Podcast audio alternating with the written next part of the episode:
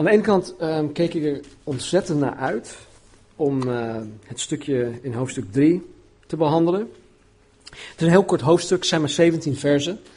Maar ehm, er zit te veel in om er heel snel doorheen te gaan. Dus ondanks dat ik vorige week hoofdstuk 2, of niet vorige week, de week daarvoor, hoofdstuk 2 in zijn geheel heb gedaan, ehm, doen wij hoofdstuk 3 waarschijnlijk in twee, misschien wel drie keer. Ja? Sorry?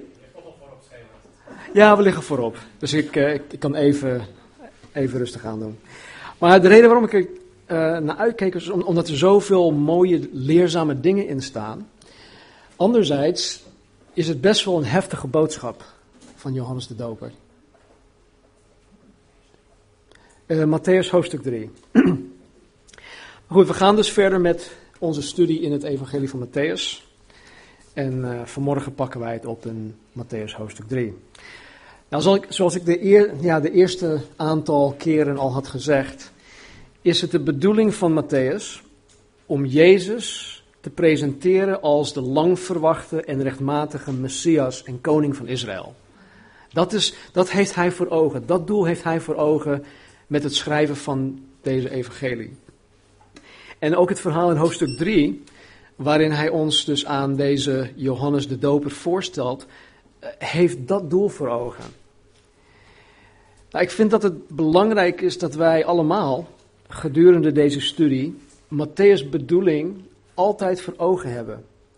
En want dat beantwoordt de vraag waarom hij het geschreven heeft. Um, vorige keer, toen wij hoofdstuk 2 hadden, hadden behandeld, stelde ik de vraag waarom Matthäus per se de wijzen in hoofdstuk 2 had genoemd. En we leerden dat God zo'n 600 jaar daarvoor de weg had gebaand voor deze wijzen om Jezus Christus te huldigen als de rechtmatige koning van Israël. Maar trouwens, het is altijd belangrijk, niet alleen in, in, in onze studie van Matthäus, maar het is altijd belangrijk wanneer je de Bijbel gaat lezen of wanneer je de Bijbel gaat bestuderen, om te vragen waarom het gedeelte dat je leest geschreven is. Kleintjes. Eh, je, hebt, je hebt kinderen die, die gewoon altijd waarom, ja waarom, altijd waarom vragen. Nou, wij moeten net zoals die kleintjes zijn. Waarom heeft God dit geschreven? Waarom heeft God de Heilige Geest, de schrijver, geïnspireerd om dit vast te leggen? Het is belangrijk, want als je weet waarom God het vastgelegd heeft, dan weet je ook wat er staat. Je weet ook meteen wat God ermee bedoelt en ook wat het voor jou betekent. want je leest het in de originele context van, van hoe het geschreven is. Nou, vanmorgen zullen wij dus zien dat de zaak die Matthäus aan het bouwen is, zijn, ja, case, zijn zaak, eh, dat het steeds meer waterdicht aan het worden is. Laten we lezen vanaf vers 1.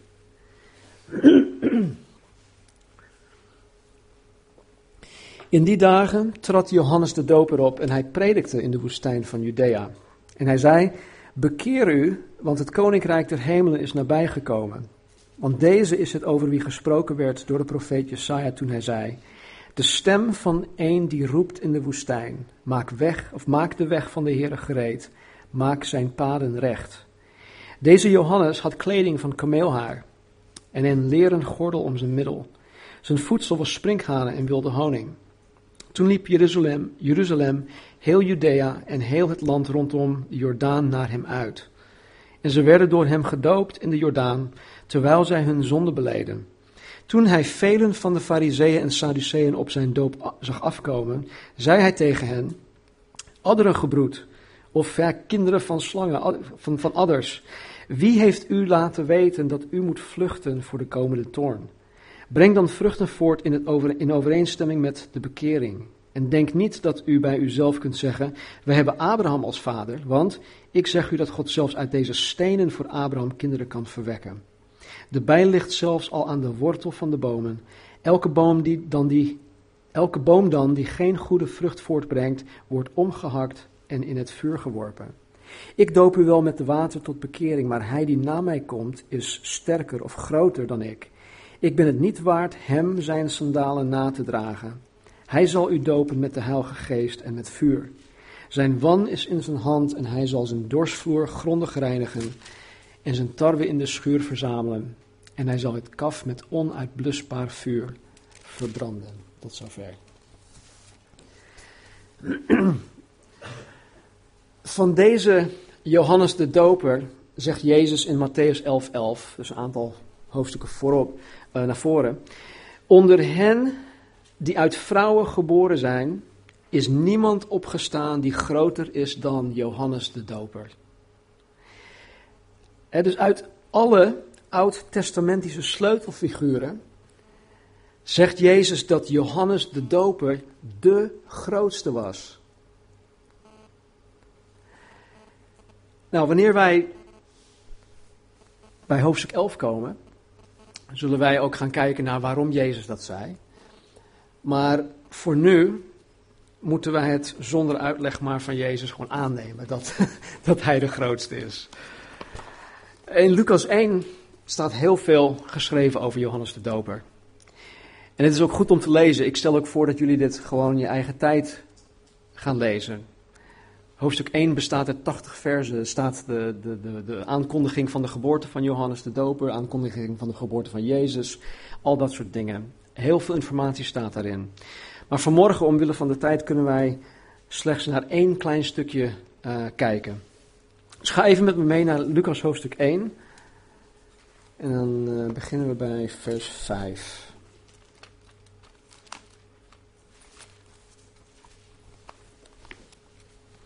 Lucas 1, vers 5.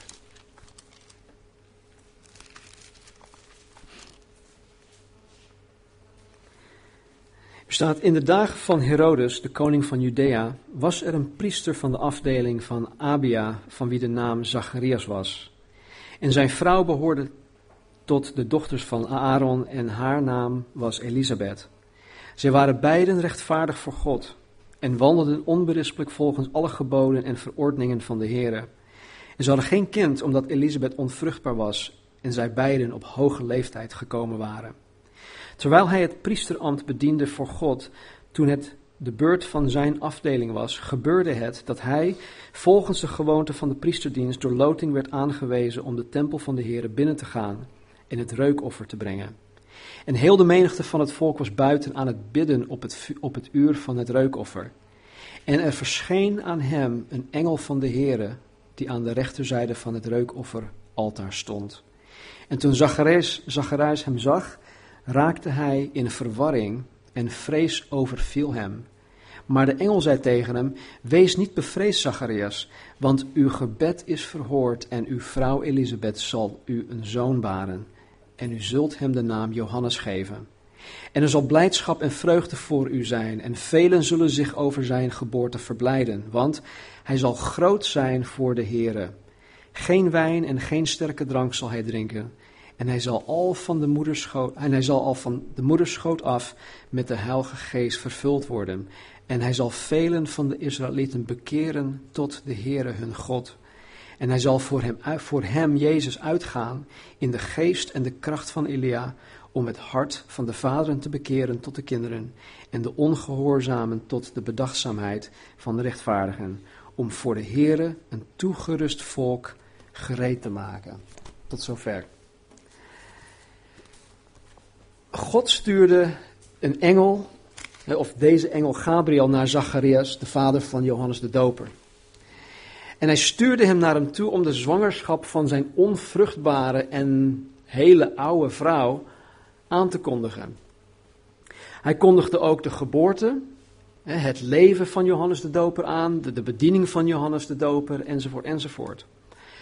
Dezelfde engel Gabriel kwam tot Maria om haar te vertellen over de zwangerschap van Jezus en, om de, en de geboorte van Jezus.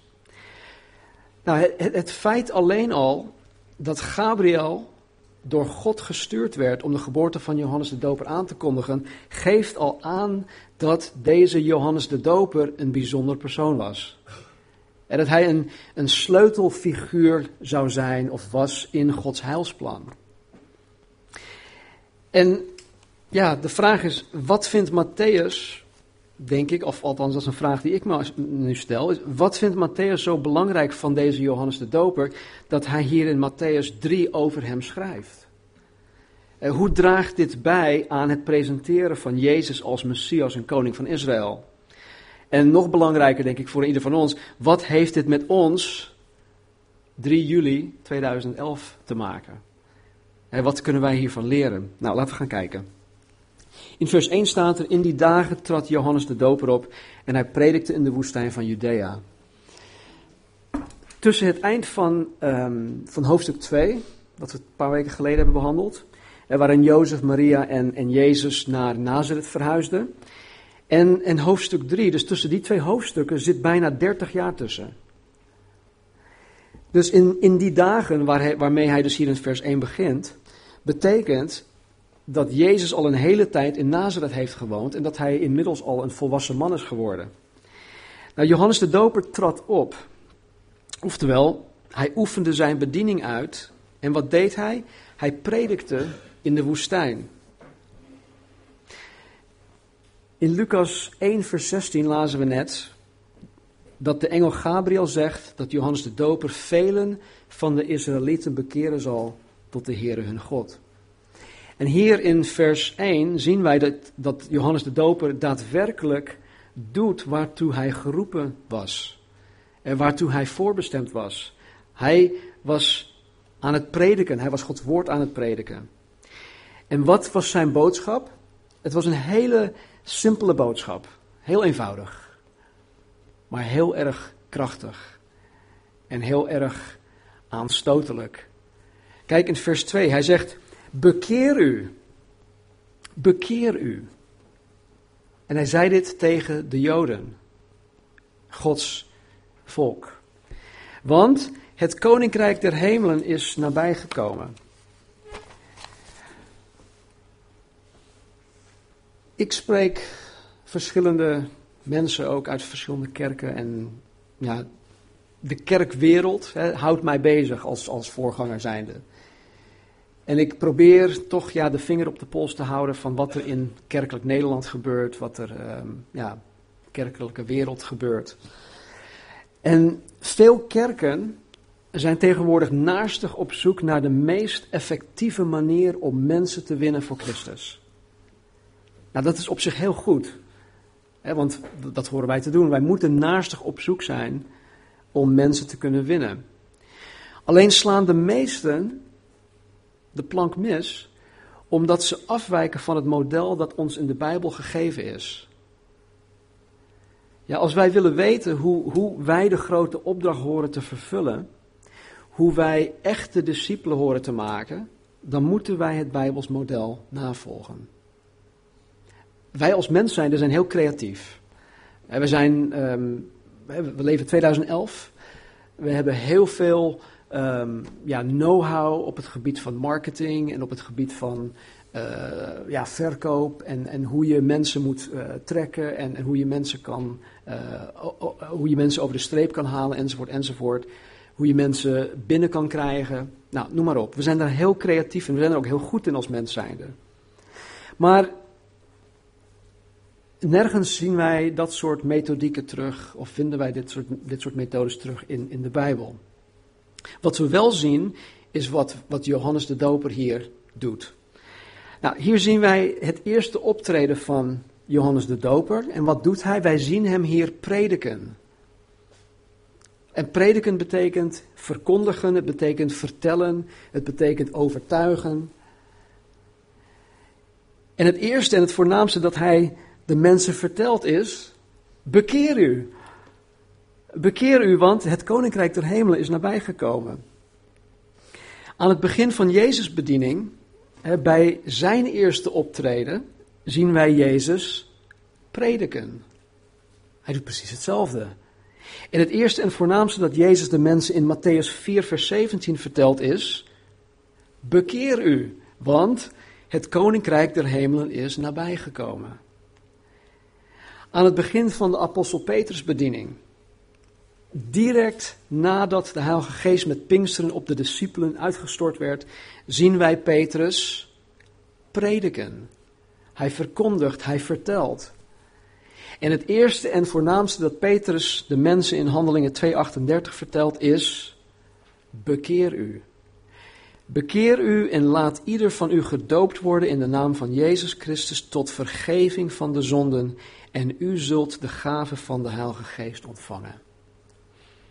Dus hij zegt niet alleen, Petrus in dit geval, bekeer u en dat hij het daarbij laat. Nee, hij zegt bekeer u, wordt gedoopt en dat je vergeving van zonde zal krijgen. Je zal het ontvangen. En u zult de gave van de Heilige Geest ontvangen. Dus er is een benefit, er is een voordeel gekoppeld aan de bekering. Het is niet voor niets dat God zomaar zegt van, joh, ik wil dat jullie je bekeren. Maar er is een hele goede reden voor. Nou, we zullen vandaag niet um, verder komen dan, denk ik, vers 6. Maar, dus het wordt een, zeg maar, het wordt een driedelige preekserie. Uh, zoals Wichter Tamboer dat ook zo mooi noemt, een drieluik. Maar in de komende studie, vooral ik denk de tweede, zullen we zien waarom Johannes de Doper zegt dat men zich moet bekeren. Dus als je echt wil weten waarom, dan moet je de volgende week ook weer terugkomen. Um, wij zien dus Johannes de Doper, de voorloper van Jezus. Wij zien Jezus zelf. En vervolgens na Pinksteren de geestvervulde Petrus het woord van God verkondigen en de noodzakelijke bekering preken, prediken. Nou, ik geloof dat als wij, wij, wij wedergeboren christenen, wij als kerk, de grote opdracht van Jezus willen um, uitvoeren, dan kan dat alleen maar door Gods woord en door bekering te prediken. Nou, ik wil dat wel, ja, niet nuanceren, want dit is echt de boodschap. Maar de manier van is heel erg belangrijk en daar kom ik later op terug. En we moeten mensen niet om de oren slaan met, met de Bijbel en zeggen dat, ze, dat zij zich moeten bekeren. Dus tact en, en, en de manier hoe en leiding van de geest en al dat soort dingen zijn heel erg belangrijk hierin. Maar dat we het doen, dat staat vast. Er is geen andere manier om echte discipelen te maken. Er zijn andere manieren om je kerkzaal te vullen, maar er is geen andere manier om echte discipelen te maken. Dus of je mensen nu, hè, zoals ik nu doe, vanuit de kansel uh, toespreekt, of als je met iemand een één op één gesprek hebt, dan, dan, dan moet je het vroeg of laat over bekering gaan hebben met mensen. Maar goed, wat is deze bekering? Eh, waar heeft Johannes de Doper het eigenlijk over? Want hij zei: bekeer u. Nou, het Centrum voor Bijbelonderzoek heeft deze definitie. Bekering betekent anders verstaan of inzien dus iets anders gaan verstaan of inzien. Anders bedenken. Van gedachten veranderen. En vandaar berouw hebben van een verkeerde daad. In het Nieuw Testament van een zonde. of dat nu tegen een naaste is of zoals doorgaans tegenover God. In veel teksten staat het voor berouw hebben zonder meer. Hoewel de nadruk bij dit woord ligt op het verlaten van de zonde, omvat het tegelijkertijd de verandering van denken en gezindheid naar een leven in overeenstemming met het geloof in het evangelie. Vandaar de vertaling zich bekeren. Nou, de bekering waar Johannes de Doper het over heeft, waar Jezus het over heeft, waar Petrus het over heeft, waar de apostel Paulus het over heeft, betekent dat je berouw hebt. En berouw betekent dat je spijt hebt en dat je spijt hebt van het feit dat je God niet met je leven hebt vereerd of verheerlijkt. Dat je voor jezelf hebt geleefd. En dat je berouw hebt van het feit dat je God niet hebt erkend als de enige echte God, de schepper van hemel en aarde. Degene die jou levensadem heeft gegeven. Het betekent dat je berouw hebt van het feit dat je tegen God gezondigd hebt. Dat je berouw hebt omdat je God hebt veracht. Of dat je misschien God hebt vervloekt. Dat, dat je niets van God wilde weten. Dat je je hele leven lang je rug tot God had gekeerd. Bekering betekent dat je berouw hebt van de hardheid van je hart.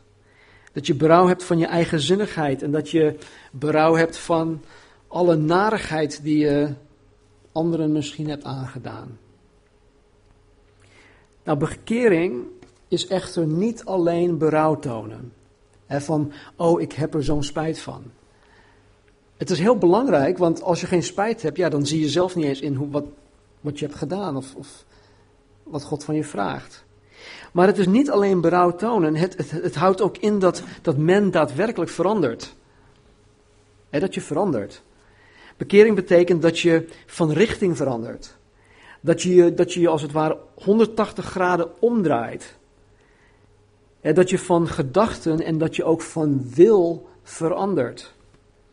Waar je voorheen misschien van God wegliep, eh, draai je je nu om en je wendt je tot God en je omhelst alles dat God is en alles wat Hij voor jou heeft.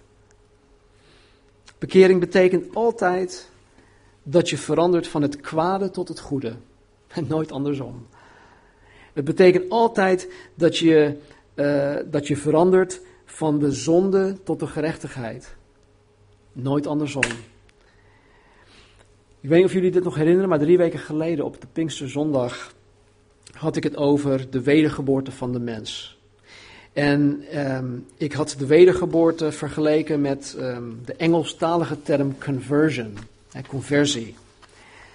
En conversion betekent onder andere in IT-termen um, het omzetten naar een ander systeem. En dit gebeurt met de mens op het moment dat hij zich bekeert van zijn zonden en dan met heel zijn hart gelooft dat Jezus de Zoon van God is. Dat Jezus in zijn plaats aan het kruis gestorven is. Dat Jezus voor zijn zonden uh, en gestorven is aan het kruis, maar dat hij ook uit de dood is opgestaan. En op het moment van deze conversion, en conversion wordt in het Nederlands bekering genoemd, wordt de mens als het ware omgezet naar een ander systeem. En dat is niet mijn werk, dat is het werk van de Heilige Geest. Het is waar een mens voor zijn bekering alleen nog maar bestuurd werd en toegang kreeg tot het natuurlijke, het vleeselijke, het menselijke, wordt hij na zijn bekering bestuurd door de Heilige Geest en dan krijgt hij meteen ook toegang tot het bovennatuurlijke. Nou, bekering hangt van twee partijen af. Het begint bij God. Het begint bij God, maar het hangt ook af van ons. God is trouw om zijn taak in het proces te vervullen. En hij doet dat door mensen naar zich toe te trekken. Hij doet dat door zijn mensen de straat op te laten gaan om andere mensen te vertellen over Jezus Christus. Hij doet dat door mensen door zijn geest en door zijn woord te overtuigen van zonde en van gerechtigheid en van oordeel. Maar het is de verantwoordelijkheid van de mens om daar gehoor aan te geven. Het is mijn verantwoordelijkheid om gehoor te geven aan datgene dat God aan het doen is in mijn leven. Als iemand jullie op je, op je telefoon belt en dan gaat hij over, dan kan je meestal zien wie het is. Het gaat meestal vier, vijf keer over voordat hij overspringt naar voicemail. Nou, als hij overgaat, is het toch jouw verantwoordelijkheid om, om hem op te nemen. Nou, het is precies hetzelfde met, met dit. God gaat, aan, God gaat aan het werk met jou, met ons. Hij roept, hij trekt, hij laat je dingen zien. En wanneer hij dat doet, is het aan ons om daar gehoor aan te geven. Bekering is overigens niet um, een, een, een, eenmalig iets in, in, het leven van de mens. Uh, bekering om tot geloof te komen, om, om van de dood tot het leven te komen, ja, absoluut. Dat is een moment, dat, dat gebeurt in een oogwenk. De conversion. Maar eenmaal bekeerd en wedergeboren, hoort de christen zich continu te bekeren van zonde in zijn of haar leven. Bekering is dus een, een, een voortdurend proces in, elk, in, elk, in het leven van elke christen.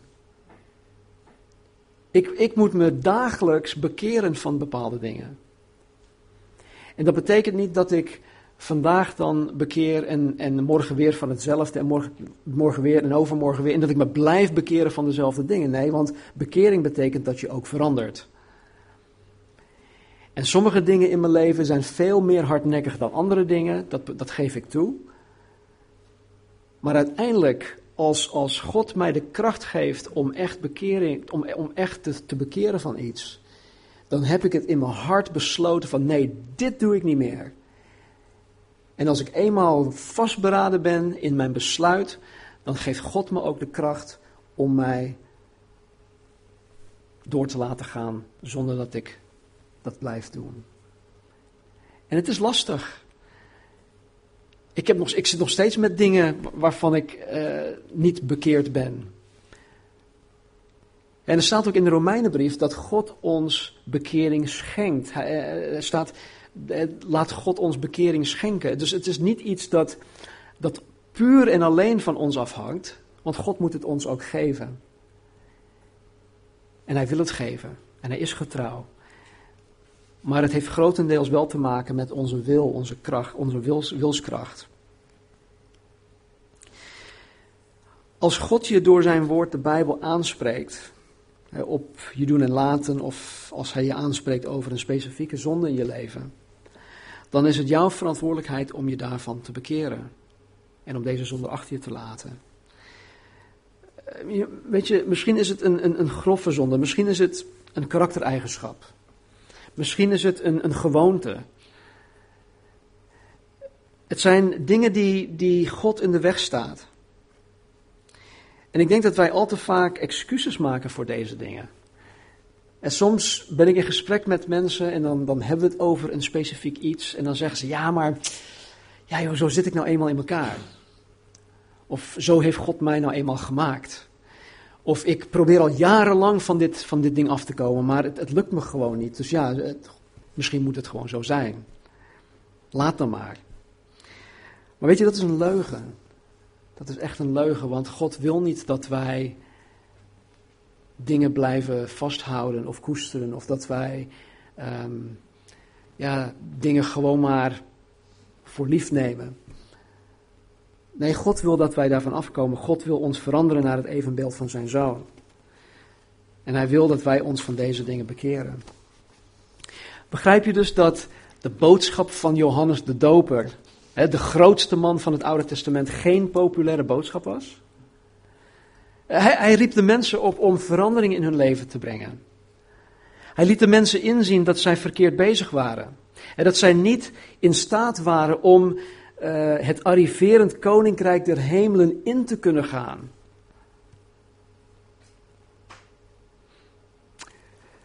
Dit is misschien, uh, volgens mij had ik het in het e-mail al gezet, maar ik vraag me soms af hoeveel kerken vandaag de dag Johannes de Doper als gastspreker zou willen hebben. Of sterker nog, mocht hij ergens komen, wordt hij dan nog uitgenodigd om voor een tweede keer terug te komen. Ja, want het is best wel een, een, een heftige boodschap. Niet in zijn sport natuurlijk. Wat zeg je? Niet in zijn hij. Nee. Vers 3, want deze is het over wie gesproken werd door de profeet Jesaja toen hij zei, de stem van een die roept in de woestijn. Maak de weg van de Heer gereed. Maak zijn paden recht. Matthäus bevestigt hier de missie van Johannes de Doper. En zoals dit al 700 jaar daarvoor door de profeet Jesaja vastgesteld werd. Johannes de Doper was de voorloper, de heraut van Jezus. En het was zijn taak om de weg voor Jezus voor te bereiden. Ik weet niet of je dit weet, maar in die tijd was het zo dat wanneer een koning een bezoek bracht aan een bepaalde plaats of een stad of een dorp, kwam hij nooit onaangekondigd aan. Hij, kwam, hij ging nooit op de Bonnefoy. Hij kwam nooit zomaar uh, aanwandelen of rijden. Nee, er ging altijd een, een, een heraut of een voorloper voor hem uit om zijn komst aan te kondigen. Waarom? Om de mensen voor te bereiden op zijn komst. Dat doen wij hier ook. Als, als, als, als de koningin op, naar een plaats toe gaat, op Koninginnedag, dan, dan staat, die, staat het hele dorp of, of, of stad uh, op zijn kop.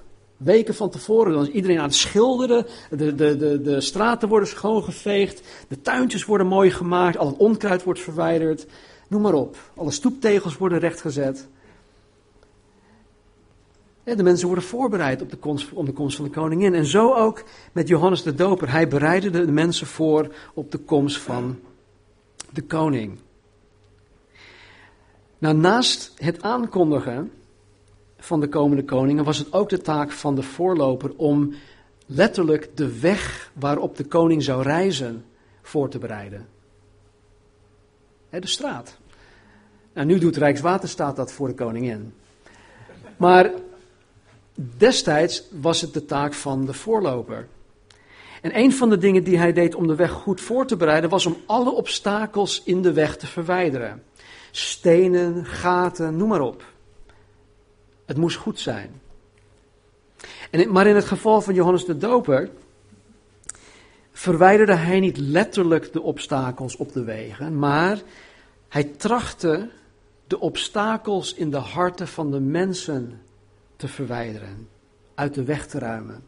De dingen die, de obstakels die, die tussen hun en koning Jezus instonden.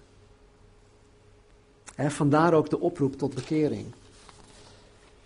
Vers 4. Deze Johannes had kleding van kameelhaar en een leren gordel om zijn middel. Zijn voedsel was sprinkhanen en wilde honing.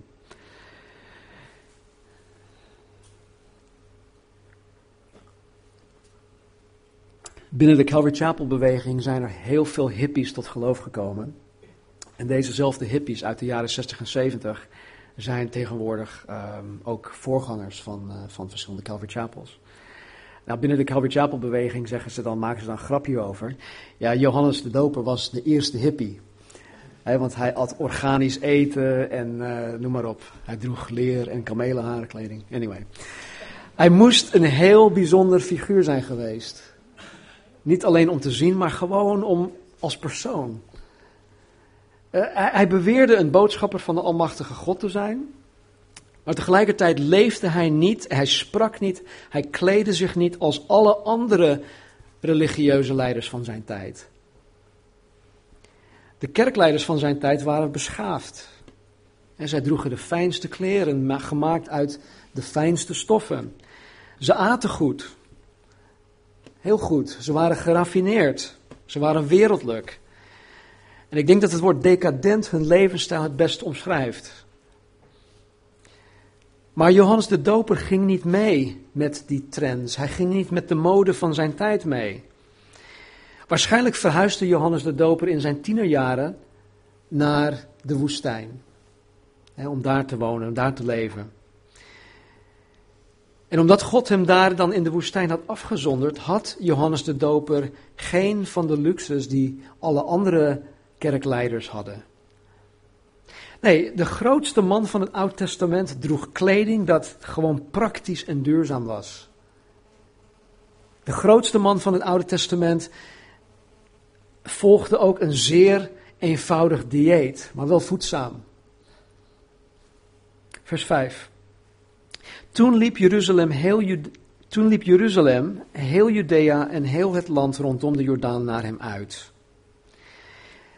Weet je, het, het Joods volk voelde zich aangetrokken tot Johannes de Doper. En ze trokken massaal naar deze man uit. Tussen het laatste boek van het Oude Testament.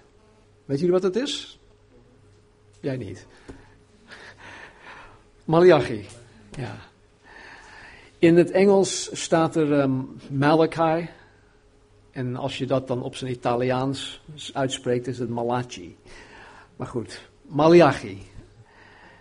Laatste boek van het Oude Testament. Nou, tussen het laatste boek van het Oude Testament en het verschijnen van Johannes de Doper zit ongeveer 400 jaar. 400 jaar zit daartussen.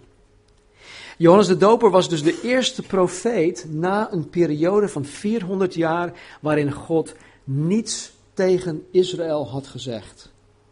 Het waren 400 stille jaren. God had niet tot de mensen gesproken hè, door middel van een profeet. Dus je kan je voorstellen dat de komst van deze Johannes de Doper, hè, een profeet, een spreekbuis van God, dat het, dat het een, ja, een big deal was. Het was een hele grote gebeurtenis. En mensen trokken dus massaal naar hem uit. Uit heel Judea, heel het land rondom Jordaan. Kijk wat er gebeurde, vers 6. En zij werden door hem gedoopt in de Jordaan, terwijl zij hun zonde beleden. Ik stel veel vragen en ook veel waarom vragen. En de vraag die ik hier nou heb is: waarom had Johannes de Doper deze Joden überhaupt gedoopt? Dat vind ik zo, zo vreemd. Waarom had Johannes de Doper deze mensen gedoopt? Nergens staat er in de wet van Mozes, of in de rest van het Oude Testament trouwens, dat de Joden zich moesten laten dopen. Dus waarom nu wel? De enige Joodse doop die zij tot op dit moment kenden was om, om heidenen, hè, dus niet Joden, te dopen wanneer zij tot bekering kwamen, wanneer zij tot het Joods, het echte ware Joods geloof bekeerden. Want dat kon. Niet-Joodse mensen konden Joods worden. En een van de dingen die zij moesten ondergaan was, letterlijk ondergaan, was de, de, de doop, de waterdoop. Dat verzegelde hun bekering tot het Jodendom. Dus voor een Jood was deze waterdoop eigenlijk overbodig, want ze waren al Joods. Maar doordat Johannes de Doper een eenmalig en zeer unieke bediening had, om Gods volk voor te bereiden op de komst van, van hun koning, liet God de Joden inzien op dit moment dat zij zich niet zomaar konden berusten op het feit dat zij kinderen van Abraham waren, dat zij Joden waren, hun afkomst, maar dat ook zij, zij, net zoals de heidenen, zich moesten bekeren van hun zonden om het koninkrijk der hemelen in te kunnen gaan. En dat geldt vandaag de dag nog steeds. Elke Jood moet zich bekeren en in Jezus Christus gaan geloven. En hier zien we dus dat Johannes de Doper deze Joden massaal doopte en dat zij ook massaal hun zonde beleden. In Lucas 3, vers 3 staat over ditzelfde dezezelfde gebeurtenis dat Johannes de Doper predikte een doop van bekering tot vergeving van zonde. Hij predikte een doop van bekering tot vergeving van zonde. Zijn taak, zoals ik eerder had gezegd, was om onder andere de obstakels uit de harten van mensen te verwijderen. En de obstakels die tussen de mens en God instonden. Dat was zijn taak. Deze obstakels noemt de Bijbel zonde. Of zonden. En deze zonden, dat staat tussen God en de mens in. Eh, de enige manier om van deze zonde af te komen, is door bekering. Waardoor God de mens zijn vergeving schenkt. Dat is de belofte die wij hebben. En door Gods vergeving van zonde is de weg vrijgemaakt om toegang te krijgen tot het koninkrijk der hemelen. Dus nogmaals, zijn boodschap is heel erg eenvoudig. Bekeer je, beleid je zonde, je krijgt toegang tot het koninkrijk der hemelen. Zo simpel is dat. Er is geen andere mogelijkheid. Er is geen andere mogelijkheid. En vandaar dat Johannes de Doper en Jezus Christus en Petrus en alle andere nieuwtestamentische schrijvers en wij, de kerk van Jezus Christus, bekering tot vergeving van zonde moeten verkondigen. Dat is hetgene wat ons toegang geeft, wat de mens toegang geeft tot het koninkrijk der hemelen. Laten we bidden. Vader, ik dank u dat u ons instrueert, dat u ons leert. Dat wij deze voorbeelden, Heer, uit uw woord hebben mogen ontvangen. Heer, om ervan te leren. En Heer, niet alleen voor onszelf, maar ook opdat wij anderen kunnen leren. En Vader, waar wij in de afgelopen tijd, misschien ons hele leven, Heer, tekortgeschoten hebben in het verkondigen van uw woord, in het um, laten van het vertellen of het prediken of het verkondigen van bekering tot vergeving van zonde.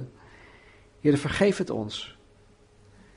En Heer, help ons om met de kennis die wij vanmorgen hebben ontvangen, help ons, Heer, om daarmee aan de slag te gaan. Heer, misschien is er iemand onder ons die zelf die stap nooit heeft gezet. Die zelf niet tot bekering is gekomen. Die zelf nog zijn eigen gang gaat. Vandaag krijg je de gelegenheid om tot God te komen. Wil je vergeven worden van alle zonden? Wil je de schuld die zo zwaar op je weegt weg zien gaan? Wil je dat het verdwijnt voor eeuwig? Dan hoef je vanmorgen alleen maar te bekeren. En dat is dat je van gedachten verandert over wie God is, over wie jij bent. Dat je je omdraait, 180 graden. Dat je je bekeert van dingen, van zonden in je leven. Waarvan je weet dat God er niet blij mee is waarvan je weet dat het in de weg staat tussen jou en God.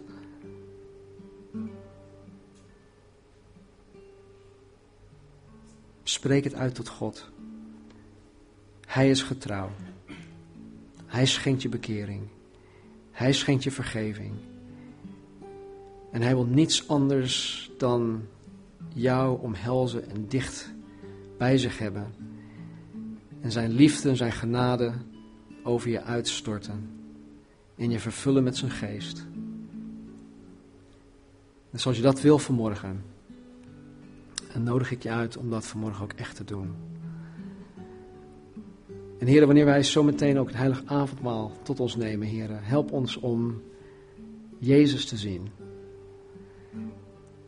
De koning der koningen, de Heer der heren. Help ons, heren, in te zien wat uw Vader en wat u, Jezus, gedaan hebt. Voor ons. Help alles weer op, op scherp gezet te worden, heren. Verander ons perspectief. Verander ons, onze kijk op ons eigen leven, onze situaties, onze moeilijkheden. Want Heer, u bent bij machten om verandering te brengen in al deze dingen. Dank u wel, Heer, voor het geweldige nieuws van Gerry, dat u haar hebt behoed en bespaard van, van borstkanker. En heren, dat u de afgelopen zes maanden hebt gebruikt om haar ook de belangrijke lessen te leren, heren, om te vertrouwen op u, want u bent te vertrouwen. Leer ons dat allemaal. En zegen ons, Heer. vraag het in Jezus' naam. Amen. We gaan zo meteen het heilige avondmaal nuttigen.